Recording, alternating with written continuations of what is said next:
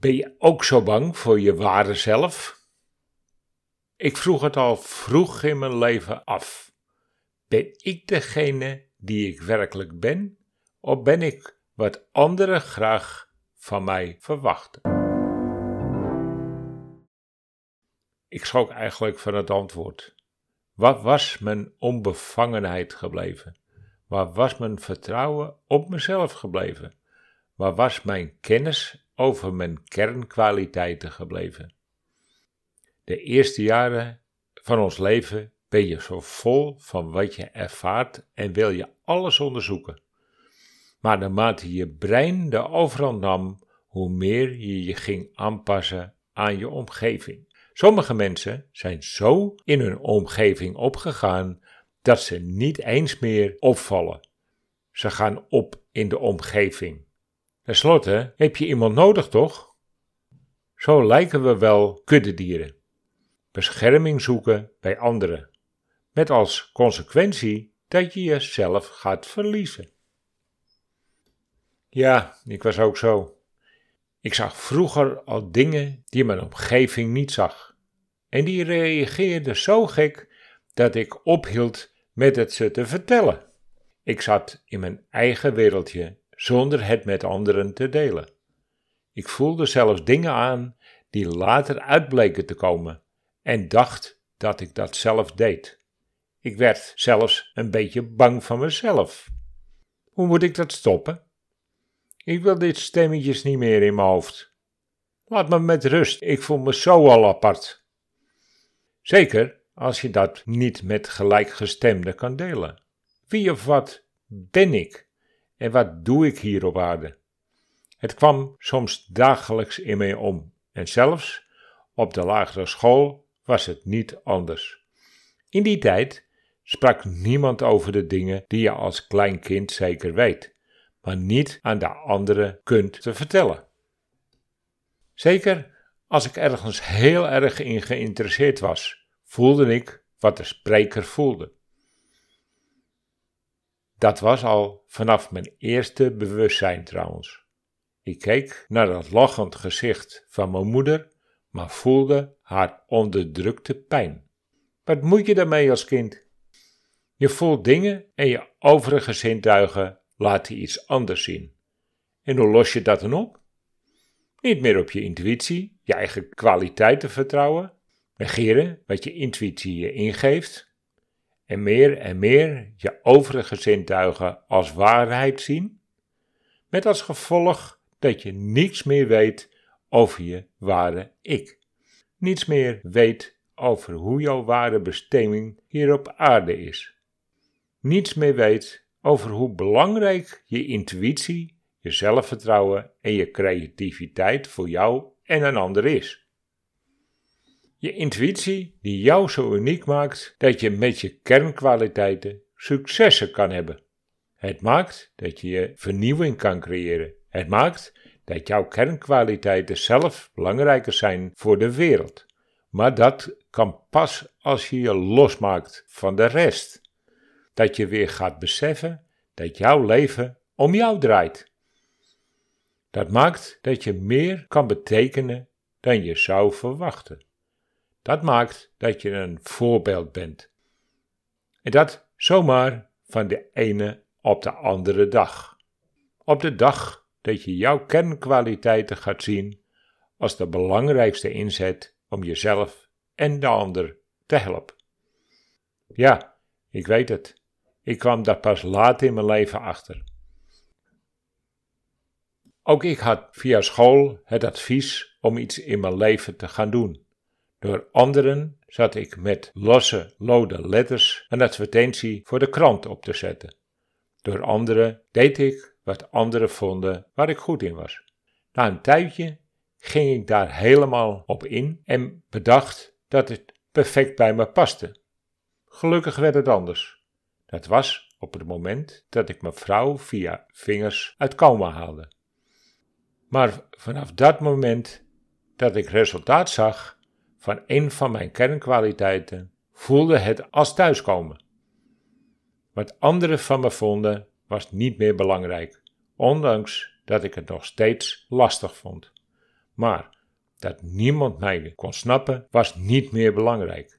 Zelfs dat ik niet meer bij de oude kudde hoorde, deerde mij niet.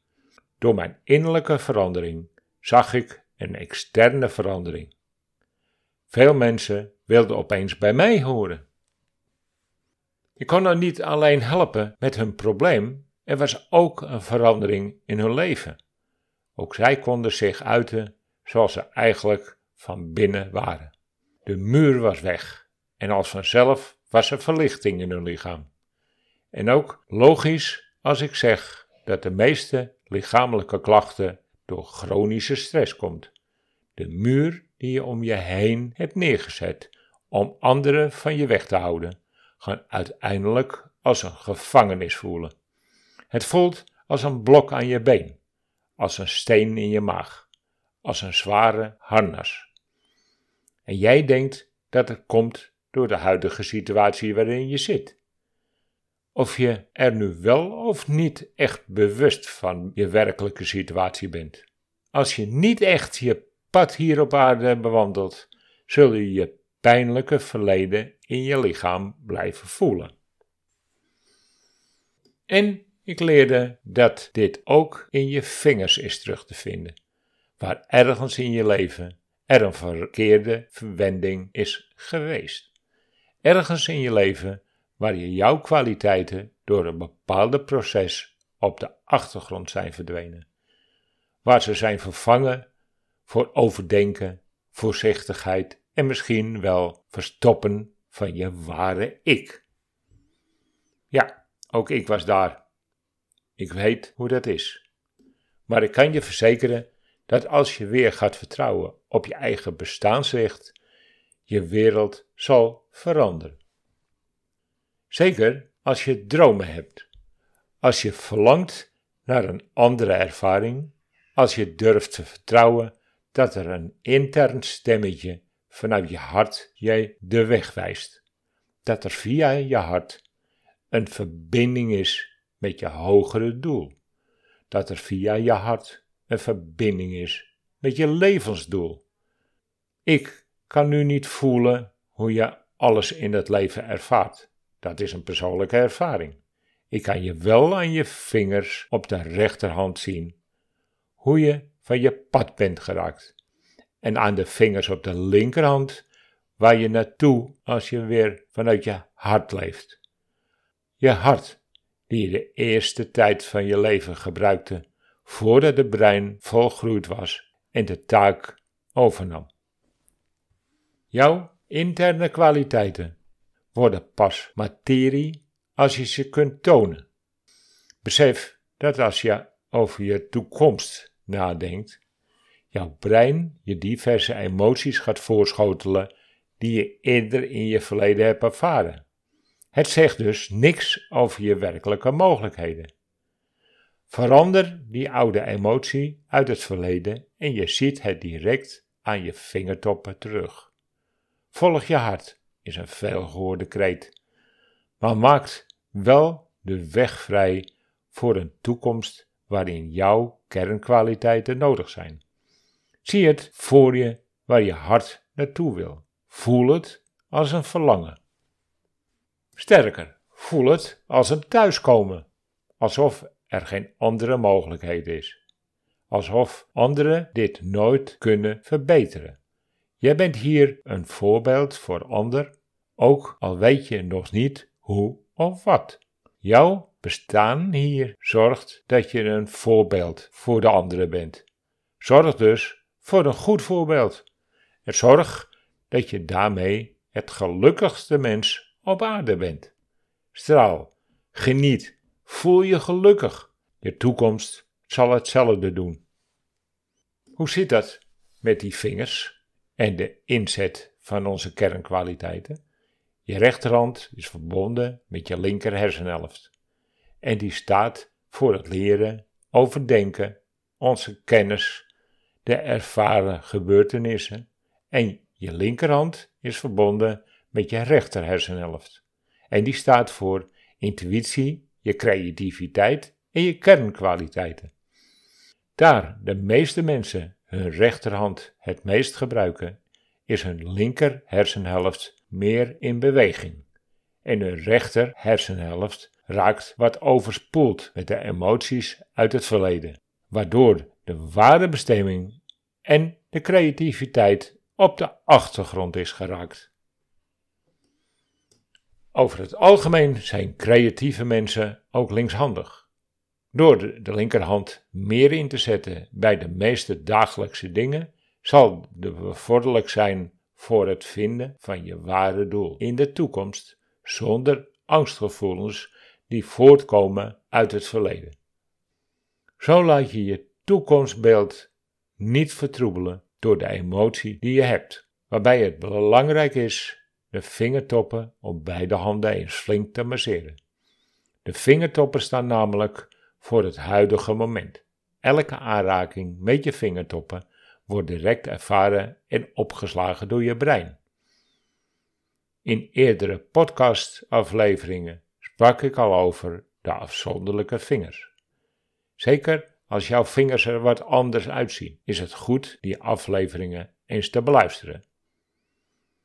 Inmiddels ben ik al meer dan 50 jaar bezig met de vingers en ik zie ze als poort naar je ziel, naar wie je werkelijk bent. De poort naar de ware ik en de toekomst die al voor je geboorte was uitgestippeld, met de kernkwaliteiten die je bij de geboorte hebt meegekregen. Jij bent dus een belangrijke schakel in het geheel en jouw kwaliteiten zijn de verbinding die voor de verandering zorgt. Begrijp ook, hoe langer je wacht om je kwaliteiten te erkennen en natuurlijk in te zetten, hoe krampachtiger jouw lichaam zal aanvoelen. Zeker als je wat vingertoppen scheef staan.